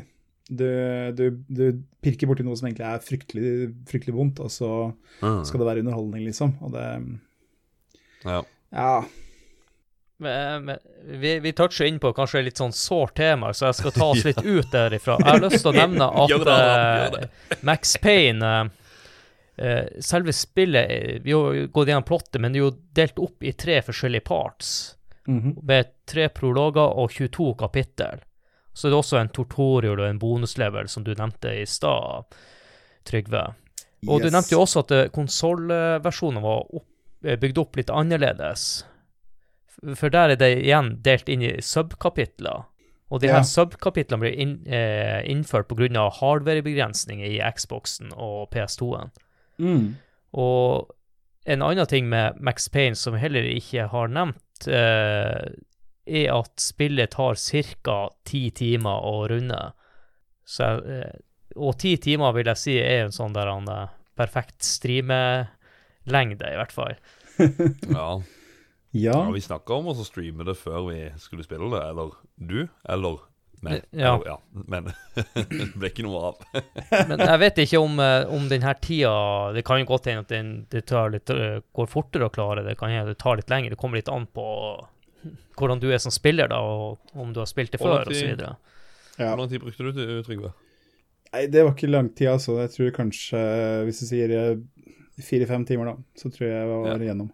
Ja, da, da sier vi fem timer hvis du har spilt der noen ganger før, og så går det kanskje litt lenger, men det, det er ikke så langt. Eh, Vi har jo snakket om det før. Er blitt, jo eldre jeg har blitt, jo mer fan er jeg av å spille spill som Det må ikke være 40-50 timer, sier han som sitter og spiller Starfield nå. Jeg syns det er godt å ha noen spill der eh, Sånn som vi, når vi spilte eh, Portal det var dødsdeilig å kunne sette seg ned og spille spillet fra start til slutt i én sitting, Mm. der, der du er skikkelig investert i spillet. Og det er jo en eh, styrke da, til Max Payne, at du kan sette deg ned eh, Ja, hvis du starter tidlig på dagen, så kan du runde hele spillet, så du, du blir eh, satt inn i stemninga hele veien, da. Ja. Mm. Men gameplayet det, hvordan, Jeg snakka med en, en, en gammel klassekamerat som gikk i klasse med på ungdomsskolen, som har akkurat oppdaga spill. Og jeg nevnte jo at vi skulle snakke om Max Payne. Og han sa jo det. Ja, husker det. Det var den bullet timen. Du hoppa og skøyt, hoppa og skøyt. Men etter hvert så ble jeg jo dritlei den hopping og skytinga. eh, er det sånn at eh, hva du, Når du spilte noe, Trygve, ble du lei gameplayet? Ble det for repeterende i lengden, eller synes du at de klarte å variere det på en, en eller annen måte? Ja, altså det, jeg har, eh, jeg har skrevet notater, og det jeg har, eh, en av de tingene jeg har ned, er at det er litt ensformig. Mm. Men eh, det, det jeg også tenker på, er det at det, det er litt hva de gjør det til sjøl. For at eh, Vi toucher inn på det her med våpen. Um, En funksjon de våpnene har, er det at du um, uh, Altså, det er, det er jo liksom Det er jo et hierarki der, da. Uh, du har liksom de her eh, de, om, du, om du skal på en måte bruke hagle på cross hold, Ingrams på cross hold, eller om du skal gå litt lenger unna med Desert Eagle eller Colt. Um, så det er jo Du velger jo sjøl. Vil du, vil du gå tett på, eller vil du gå langt unna? Um, og så har du i tillegg det sniperrifle og det her granatkasteren, som uh, også gir deg mer muligheter. Og det, det jeg var litt bevisst på nå, var at jeg skulle, at jeg skulle variere litt mer. Altså, da jeg spilte da jeg var uh, 20 år gammel, så var det liksom uh, det, det var den avsagde hagla helt til jeg fikk noe Ja. bedre, og så var det var det. det. Eh, det er for at den dagsagde hagla er jo helt perfekt. Det er liksom Du shoot-dodger, skyter to skudd, og så kan du shoot-dodge igjen og skyte to skudd til, og det er folk bare faller som fluer. Men eh, uh, jeg syns jo det at det, det er litt opp til hva du gjør det sjøl. Men uh, det jeg også vil trekke frem, er det at uh, Max Payne det er faktisk veldig variert. Det har mange gode set pieces. Du har eh, I første delen av spillet så har du to bosskamper ganske tidlig eh, mot eh, de her eh, tvillingene i Ja. hotellet. Eller brødrene, Ja. jeg vet ikke, det er vel ikke tvillinger, brødre. I hotellet. Og så har du, må du jage etter han derre eh, Gagniri, Vinni Gagniri. Må du jage etter eh, Han hopper ned på et tog, så må du hoppe på et tog etter han, hoppe av og liksom følge etter han gjennom mange bygninger, og til slutt har du showdown i en sånn bakgård. Eh, Du har eh, den restauranten som eksploderer så fort du kommer inn i den, og du må Mhm. bare løpe ut. Eh, og så har du seinere i spillet også, så kommer den Der på starten av andre kapittel så må du klare deg en liten stund, altså det er ikke lenge, men du må en liten stund hvor du ikke har noe våpen i det hele tatt. Og da må du på en måte finne en løsning på å få knerta folk uten at du bare blir skutt i filler med en gang. Ja, det husker jeg faktisk. Ja. Eh, og så har du um, uh, Skal vi se hva jeg kom på. Det var én ting jeg kom på som jeg rett og slett har glemt bort. Jo, um, jo. når du skal ta første bossen, eh, som er han derre um, Jack Lupino, han Mm. med, med Mike Mike Tyson. Tyson-tatoveringa. Mm. så er det liksom Der det, Den er også litt kul, for at der er det en ting som spillet er veldig, er veldig god på, eller gjør veldig bra, er det at du klarer å variere det her med avstand og vertikalitet da, på fiendene dine. Har, det er veldig, veldig bra bruk av fiender som enten er høyt oppe eller langt unna, og på forskjellige avstander, så du må prioritere hvilke mål du skal ta. Uh, det har de klart å få til i den bossfighten veldig bra, for du har noen som står over deg, og så har du folk som kommer inn bak deg, så du må hele tida bevege deg for å kunne prioritere hvem du skal ta, før du kan begynne å konsentrere deg om han eh, bossen. Um, og så er det jo starten på Starten på um, det siste angrepet på Acer Corporation, når, det kommer inn i bygningen der. Så det var jo sjølve kronjuvelen i spillet, rett og slett, hvor du kommer inn der, og det er lobbyscena fra The Matrix. Mm. Mm. Så den er veldig kul. Pluss at du må også Uh, Du må klare å komme deg unna et digert angrepshelikopter litt senere. Ja, Så ikke det det- du ser helt på slutten, eh, at det Jo. styrter? Ja, det er, det er det som skjer. Altså, Helikopteret kommer, det plager deg gjennom brettet. Når du, kommer, når du skal ta heisen opp, så kommer det og skyter Mm. på bygningen. Uh, så du må finne dekke for å ikke bli uh, blasta rett ned. Ja, stemmer. Og så er jo siste bossen er hun derre eh, Audrey Horn som heter Nei, er det det heter? Det er vel hun fra Twin Peaks, den jeg tenker om. Ja, men jeg mener jeg vet Horn heter han hun her òg. ja, noe sånt noe. Det er ikke Audrey. Nina det er, det. Et eller annet. I hvert fall hun Ja. dama. Hun fæleheksa. Hun ehm, eh, Det er det Max kaller henne, da. Så det er har dekning for å bruke det ordet. hun skal jo rømme ved å hoppe inn i helikopteret og stikke av, men uh, istedenfor at det skjer, så ser Det er en sånn diger sånn mast, sånn radiomast på toppen av bygget som svaier i vinden, for det er jo storm. Så du skyter eh, de kablene som holder det fast. Og så skyter du en granat på sida av tårnet, slik at det ramler ned og bikker rett opp på helikopteret, og hele greia eksploderer. Alt skjer selvfølgelig i sakte film. Det er veldig episk. Så det er eh, en veldig fin avslutning, sånn sett. Ja, det er jo fint med de bosskampene at de eh, bryter opp Mm. eh, sånn generelt fiender, syns du Hvordan fungerer AI-en der? For eh, det var jo på ei tid der eh, det var, jeg husker i hvert fall var når vi kompiser spilte, vi diskuterte mye AI-en til fiendene. Ja. Jeg tenker, altså, hvilken, hvilken, hvilken skyteskole de har gått på av og til. Enten så treffer de dritbra, eller så er de bare De, de, er long gone. Det er bare sånn her Å ja, de skyter opp i taket, eller de skyter i gulvet. Eller, eller så bom, så er det rett i nøtta. Eller eh, altså rett i hodet. Ja. Så Ja, altså, jeg nevnte det tidligere det med vanskelighetsgraden som tilpasser Mm. seg hvordan du spiller. Men uh, i praksis mm. er det bare det at uh, fiendene bare treffer deg rett i huet uansett hvor du er hen. For at uh, det er den er Ja. ikke helt på, på stell. Så um, Altså, AI-en er ikke, det er ikke helt store. Det er liksom eh, de, de Som regel så kommer fiendene løpende inn fra en dør, og da er det en, en som går til sida, og en som går rett mot deg. Det er liksom Så trikset er jo selvfølgelig å kaste en granat akkurat der de kommer, så tar du alle på en gang. ja. Ja, Da klarer du å også- på fem også- timer, og ikke ti. Ja, det er liksom sånne ting du bare får i fingra etter hvert. Det er um, Men um, Nei, altså AI-en er ikke det helt store. Altså, det er virkelig ikke det som er utfordringa med det spillet her. Det er mer det at um, Det er jo liksom Det er mye spetakkel, mye bråk og liksom moro å skyte folk, og du får gjerne en sånn liten cutscene hvor du ser en fyr som bare flakser veggimellom i sakte film og ja, for det er liksom alltid når du kommer, okay, du kommer inn i et rom, og så der er det fire stykk. Skyt, skyt, skyt. OK, fjerde mann, ferdig. Han detter i samme bevegelse som alle andre. Ja, De, de flyr slow motion bakover og, og har et eller annet funky ansikt, sånn som vi snakker om. Med Ja, ja, ja. det er, det er akkurat det. Altså, det. Det er kanskje det du merker mest i, når du spiller det nå, er det at um, Altså, grafikken er én ting. Altså, grafikken er, det, er, det er litt lite detaljer i omgivelsene. Det er veldig mye sånn rette linjer og ikke noe altså Det er veldig sånn bare områder hvor det liksom er bare én flate, hvor det ikke er noe uh, debris, som heter på engelsk. Det, Mm. Og så er det det der som du sier der, med at fysikkmotoren er ikke veldig avansert. Nei. Det er eh, mye sånn skripta bevegelser og sånne ting. Det er, ikke, det er liksom ikke den dynamiske uh, simuleringa som vi er vant til nå, men det er jo fordi at Det, eh, det, det er jo over 20 år siden, så man må Ja. jo ta det også litt i betraktning når man snakker om de spillene her. At uh, det er akkurat det. Det, det må jo begynne jo en plass, noen- den uh, utviklinga. Mm. Ja, Men så men skal du vi kaste tall på grafikk og alt sammen senere også. Da, da må vi også se litt med gammeldagse øyne i tillegg. Ja, må det. Men altså, det, det, det som jo er veldig interessant å se i det spillet i dag, er det at det er jo her det starta mye. Altså, vi tenker på eh, Noen få år etter Max Payne så kom det en bølge med cover shooters, hvor du skulle dukke ned bak cover og snike deg opp og fyre litt på fienden. Det er jo utgangspunktet i Max Payne. Uh, på samme måte så har du det her med de her cinematiske sekvensene og de her na na litt mer naturalistiske omgivelsene. Det er jo, har jo veldig opphav der.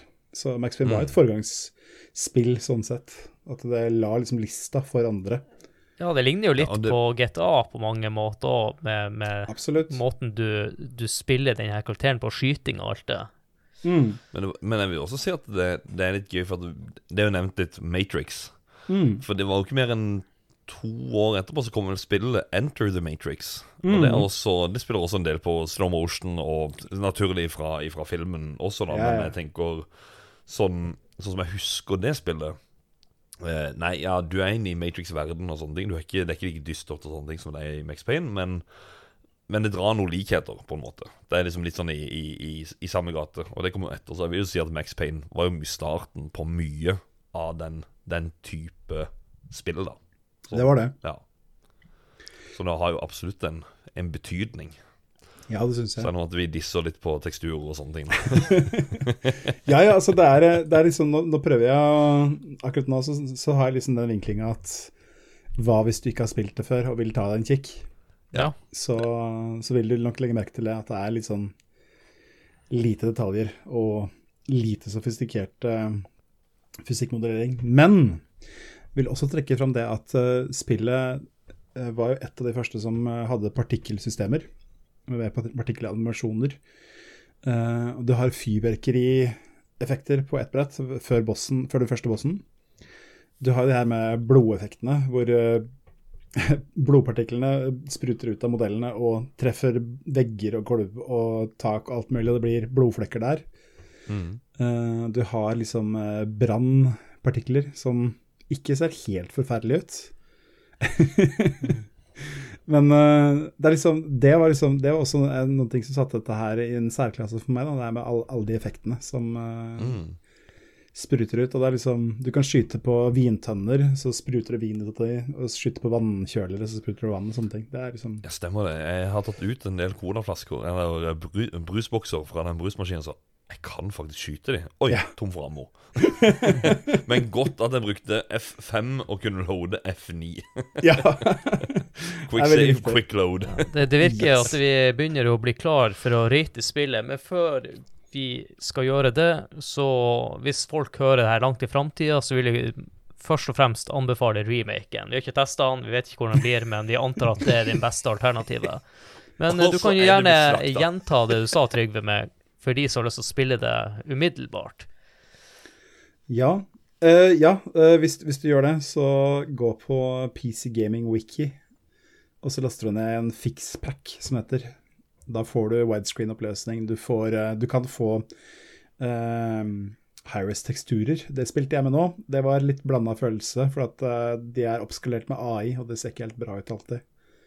Men uh, uh, ja, altså du får liksom noen sånn fiks, eh, noen sånn fikser som gjør at eh, det kjører bedre på moderne maskiner og sånne ting. Så det anbefales veldig å legge inn den. Og med de vise ordene til Trygve, så tenker jeg at vi går over til å rate Max Payne. Hei.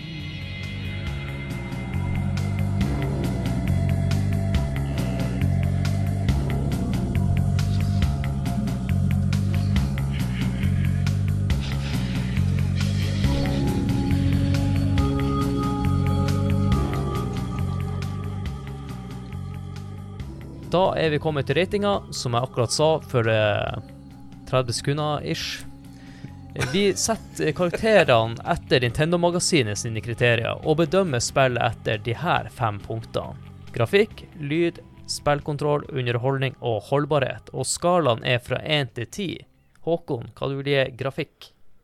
Ha, vi har jo dissa det en del, sånn som jeg nettopp sa for en fem minutter siden. Men det har sin sjarm. eh, ja, du la inn dette med, med teksturene og alt sammen, og eh, mm, Han har et vanvittig stygt tryne, men det, er- det er ikonisk. Syns du han Sam Lake har et stygt tryne? Ja, i spillet i hvert fall. Så, så skal han i hvert fall ikke ha noe skryt. Det er et trygt tryne. Um, jeg gir det syv og en halv. Syv og en halv. Ja. Da er jeg jo spent på hva Trygve vil gi. Ja, nå, nå som, som Håkon sa, vi har dissa det litt. Men jeg, jeg må nødt til å bruke legge lista til der, der jeg var da jeg først spilte det. Så grafikk for meg, det er veldig enkelt. Selvfølgelig ti av ti. Oi, ti. oi, oi, oi, oi! Eh, nå Men det er bra du gjør, for det, du må se litt med gammeldags øyne Ja. også. Det er veldig viktig. Jeg skal ærlig innrømme at før vi starta nå, så tenkte jeg meg sjøl å skulle gi det eh, helt ned på seks, for å være helt ærlig.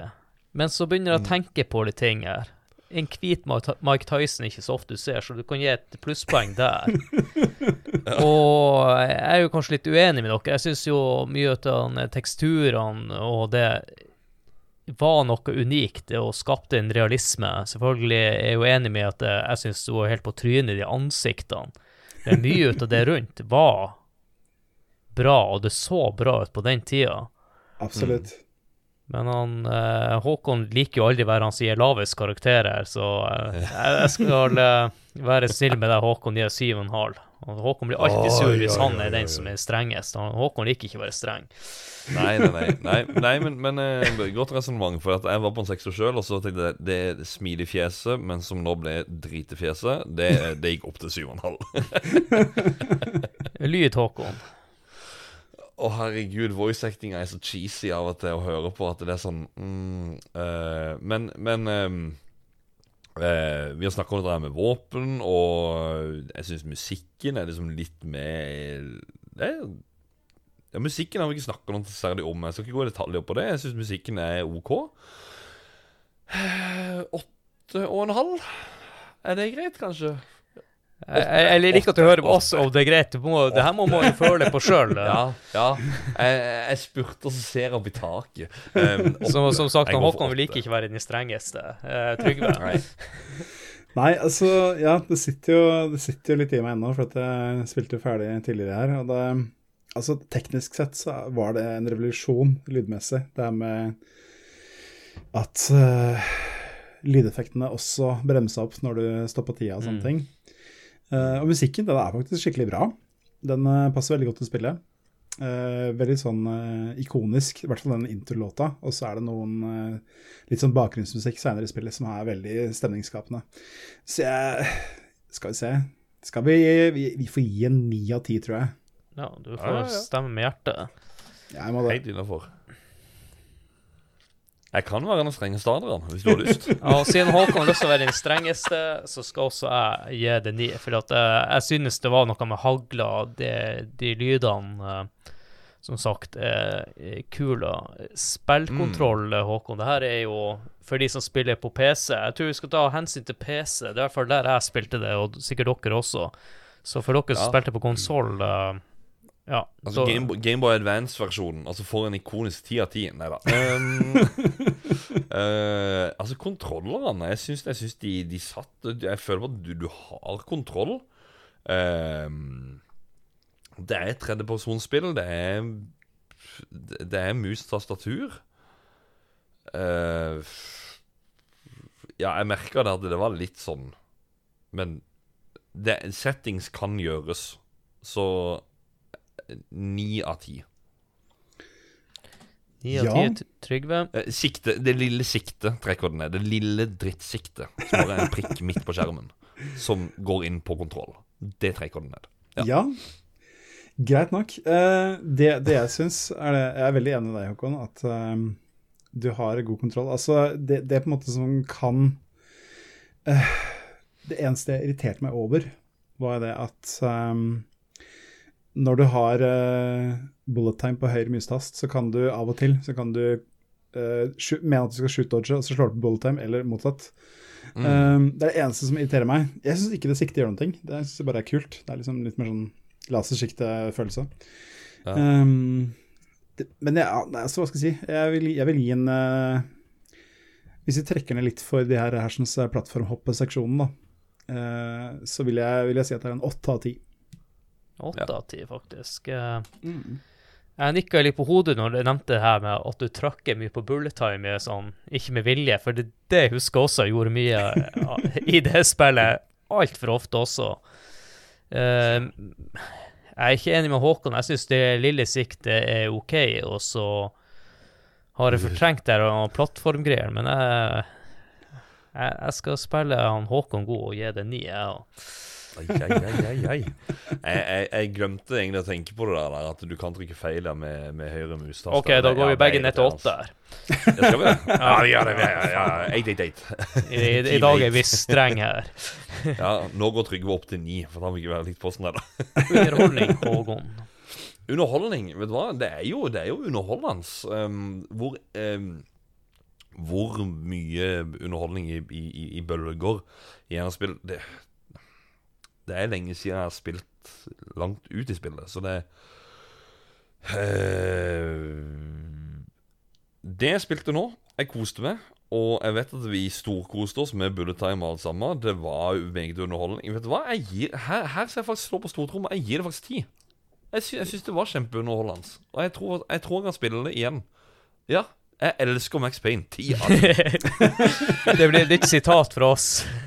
Jeg elsker Max Payne. Ja, da, Max Schmicker. Max smerte. da blir vel kanskje ikke du den strengeste nå. Nei, uh, underholdning Uh, Altså, igjen, da. Jeg har akkurat spilt det ferdig. Jeg har jo, må huske på det at jeg har spilt det veldig mye tidligere. Mange, mange ganger. Ehm, så jeg, jeg føler ikke at jeg kan gå lenger ned enn ni, altså, selv om det er, jeg er ikke noe glad i det. Kom igjen, gi det noe tid. Du spilte mange ganger, betyr jo at du er jo underholdt, mann. Kom Ja, igjen, greit nok. Greit nok. Du spilte Da får vi mange gi det- ganger. Vi, får gi det ti. det- Og så kan heller jeg være han partypooperen og gi den åtte. Selvfølgelig. Ja, eh, jeg hadde tenkt i det sju, men så tenker jeg at eh, Nei! det har, Jeg sa jeg hadde tenkt. Må du, Ja. må du jekke det ned, mann? Jeg sier jeg gir den åtter, og så sier jeg jeg hadde tenkt i den sju. Men, men jeg elsker å høre på Max Payne. ja, heldigvis er det ikke Max Macker som hadde Max Payne-stemmen, for da hadde det jo vært helt katastrofe. Men over, over til eh, scoren min, da, og begrunne hvorfor. Grunnen til at jeg tar det opp, er jo at man blir jo påminnet av en veldig fin lengde på spillet. Mm. Og, og det, jeg mener at det er jo en sweet spot, det her. Hadde det vært eh, å skulle gjøre det sånn som i dag Jeg mener jo mange spill eh, drar spillene for langt, og du, du blir dritlei gameplay etter hvert. Mm. Men uh, du, du, du kan jo spille her uh, i en sit setting, eh, og ja, kan, kanskje noe repeterende, men du får med det hele. Du blir investert i storyen, du blir investert i spillet på mange måter. Mm. Så jeg gir det åtte.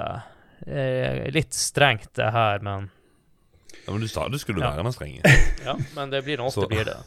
Eh, holdbarhet, og det her er jo ganske spennende. eh, eh, Ja. Kanskje vi skal være litt sånn at vi hiver han Trygve under bussen, for han har jo den eh, beste opplevelsen nå i det siste eh, med Max Payne, og så får vi For jeg hadde jo Håkon luksus med å høre hans resonnement, da. Så Ja, skal vi begynne hos deg? Ja, vi begynner hos Trygve her. Ja, Holdbarhet, du som spilte mange, mange ganger. ja, altså holdbarhet, eh, hva skal en si, altså det er eh, det, altså det er noen spill som du på en måte bare er veldig sånn kom- komfortable å spille. Uh, Max Payne var jo det for meg da, da det kom ut, og um, jeg ble liksom godt uh, kjent med hvordan det fungerte. Syns jo historien var artig. Uh, likte godt mesteparten av spillet. Ikke de Mm. labyrintene, som sagt, men eh, resten er veldig bra. Og tenkte at eh, ja, men da tror jeg jeg går for en runde på alle vanskelighetsgrader, så da gjorde jeg det. Og da viste det seg at det fikk jeg litt igjen for, så det var veldig ålreit. Så Mm. brukte jo da noen uh, uker på det. Gadd ikke spille hver dag, husker jeg, men uh, jevnt og trutt, og det kom jeg gjennom. Og det Så jeg vil si holdbarheten, den har jeg fått uh, med tanke på at jeg, jeg så på den kvitteringa jeg nevnte, at jeg betalte 250 kroner for det i ja, 2001. da. Så Jeg vil jo si jeg har fått, igjen, eh, fått valuta for de penga.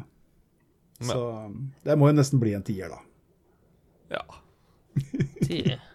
Eh, jeg kan jo ta noe, Håkon, så kan du få luksusen til slutt. Eh, jeg, vil, jeg vil ikke gi det en tier. Eh, grunnen til det er at det virker litt janky med å få kjørt det spillet sånn som det er nå, men hvis remasteren kommer, så er det en annen sak. Og så har man også muligheten til å spille de her på Xbox og PS2, men Mm. det der kan jeg ikke kommentere noe særlig på. Uh, det er jo det som er litt Eller urettferdig mot de eldre spillene, er jo at uh, vi har jo spilt mange spill som kommer i ettertid, som har spilt og høsta erfaring av de her gode spillene. Men hvis du har lyst til å oppleve et spill Eller hvis jeg tenker tilbake nå, så, så er det ikke så utdatert som man skulle tro på mange måter. Eh, nå snakker jeg lenger enn jeg bruker å gjøre, så det er bare for å resonnere. Vet du hva, jeg skal være grei og gi det nye. Trekke ned fordi at det er janky med med å installere på PC. Og det er det eneste jeg skal trekke ned på. At det er litt janky å få det til. Så det har dessverre ikke klart å holde seg med at det er bare ehm, Eller vent, da, Trygve. Når du starta det på Steam, var det sånn, kunne du bare starte det? For du hadde Windows 11. Ja, Windows 11, ja. Eh, Jeg, jeg må bare, merke, bare notere det at jeg har spilt min originale CD-kopi. Ja, ok, ja, for, at, for at på Steam-versjonen på Windows 10, som jeg spiller det på nå, Mm. så måtte jeg inn og fikse Eller inn og laste ned en sånn fiks, for det var masse feilmeldinger som kom opp. Jeg fikk spille av Mm. introsekvensen, og når gameplay skal begynne, da krasjer spillet. Ja. Eh, men eh, du får 100-150 feilmeldinger før det igjen. Jeg klarer ikke å laste sånn, sånn, sånn.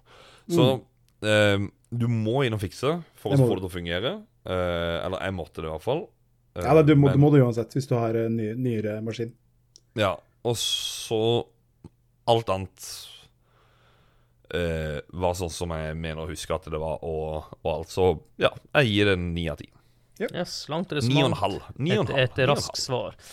Ja. Eh, da er vi med veis ende på episoden. Vi har eh, ikke noe lyttespalt i denne episoden, fordi at jeg har rett og slett glemt det. Jeg tar det på min kappe, så Håkon, her er du frikjent.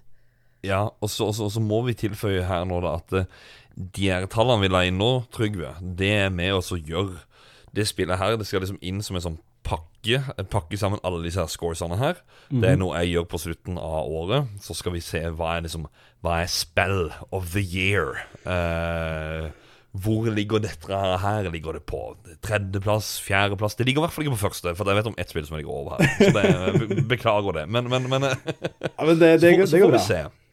Altså, det, Det er, en litt, ikke det, ja. det er en litt gøy liste, fordi at vi hadde liksom Det blir Elder noen Scrolls overraskelser Oblivion. der. Eh, ja, Ja, ja. Elder Scrolls Oblivion ble grust av Ducktales til NES.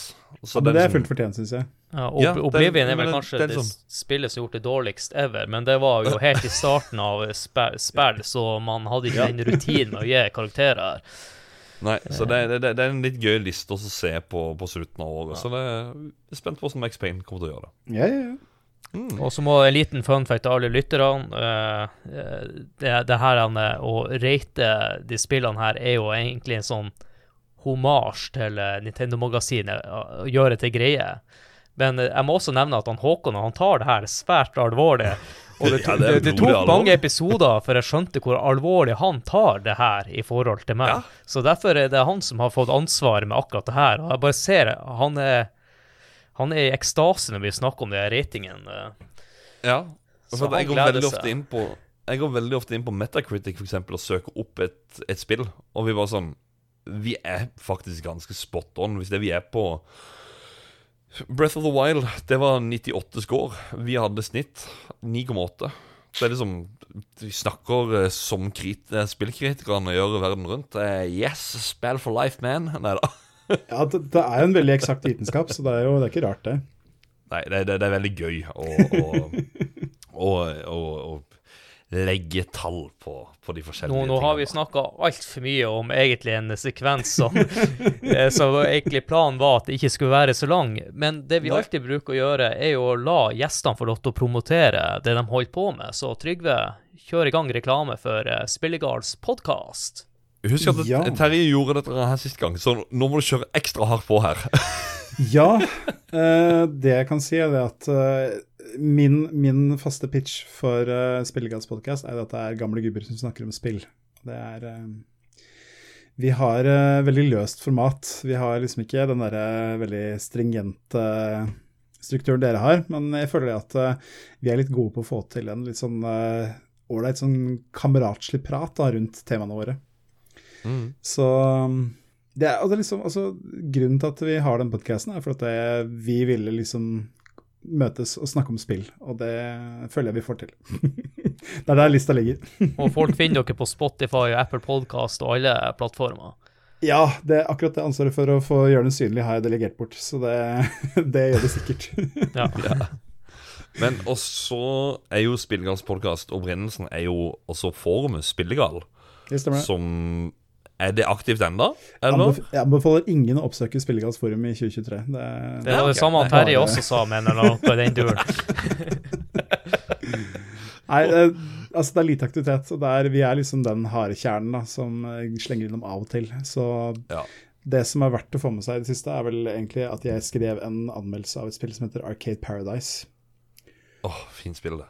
Ja, det er et fint spill. Eh, jeg, jeg fant ut at det nytta ikke å anmelde det spillet uten å anmelde alle de arkadespillene du kan spille i det, så jeg skrev 37 anmeldelser i den anmeldelsen.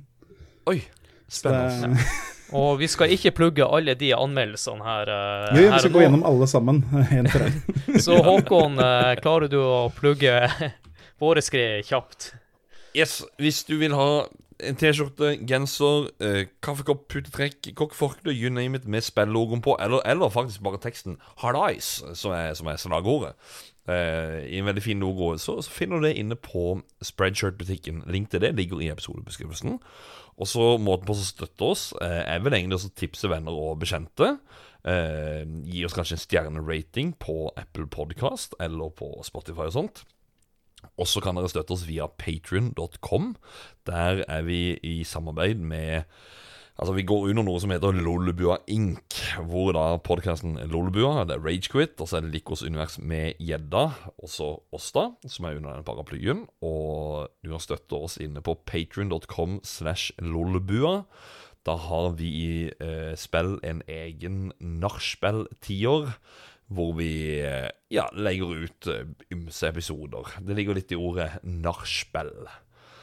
Og så har vi Discord-community og Facebook-community og en Facebook-side. Det finner dere også link til i episodebeskrivelsen. Og så må vi selvfølgelig rette en stor, enorm hjertelig tusen takk til Joakim Froholt, som skriver fantastiske artikler om alle episoder vi lager, inne på spillhistorie.no. Så sjekk ut det på internettet og på Facebook. Gi han en like der inne. Spillhistorie.no. Fantastisk side. Yes. Så vil jeg bare kjapt skyte inn at måten du kan støtte Spillegalspodkast på, er ved å skaffe inkriminerende detaljer om eh, Jon Cato eller noen andre i Lolbua Inc., sånn at vi kan eh, utpresse dem til også å bli del av Lolbua Inc. Takk. Vakkert. Og med det så vil jeg jo si tusen takk for å ha deg med her. eh, Eller det var hyggelig å ha deg med her, eh, Trygve. Jo, hjertelig takk for at jeg fikk bli med. Veldig artig og trivelig å prate med dere om mm. noe jeg er veldig glad i. Ja. Og det er alltid morsomt å ha engasjerte gjester, og spesielt hvis vi snakker om spill som treffer deg midt i hjerterota. Så her har vi truffet innertier med gjest. Ja, det syns jeg absolutt. Det var en veldig, veldig god gjest. Tusen, tusen takk. Og så vil jeg si tusen takk til Håkon her, som har eh, pådratt seg litt eh, sykdom etter ei hard fyllakule i Danmark, og nachspiel hos Ikea i Århus. Ja, det var årsfest for Ikea Aalborg. Så det er party on, bitches. Og on that bombshell så vil jeg bare si tusen takk for at dere hørte på episoden, og ha det! Ha det! Ha det!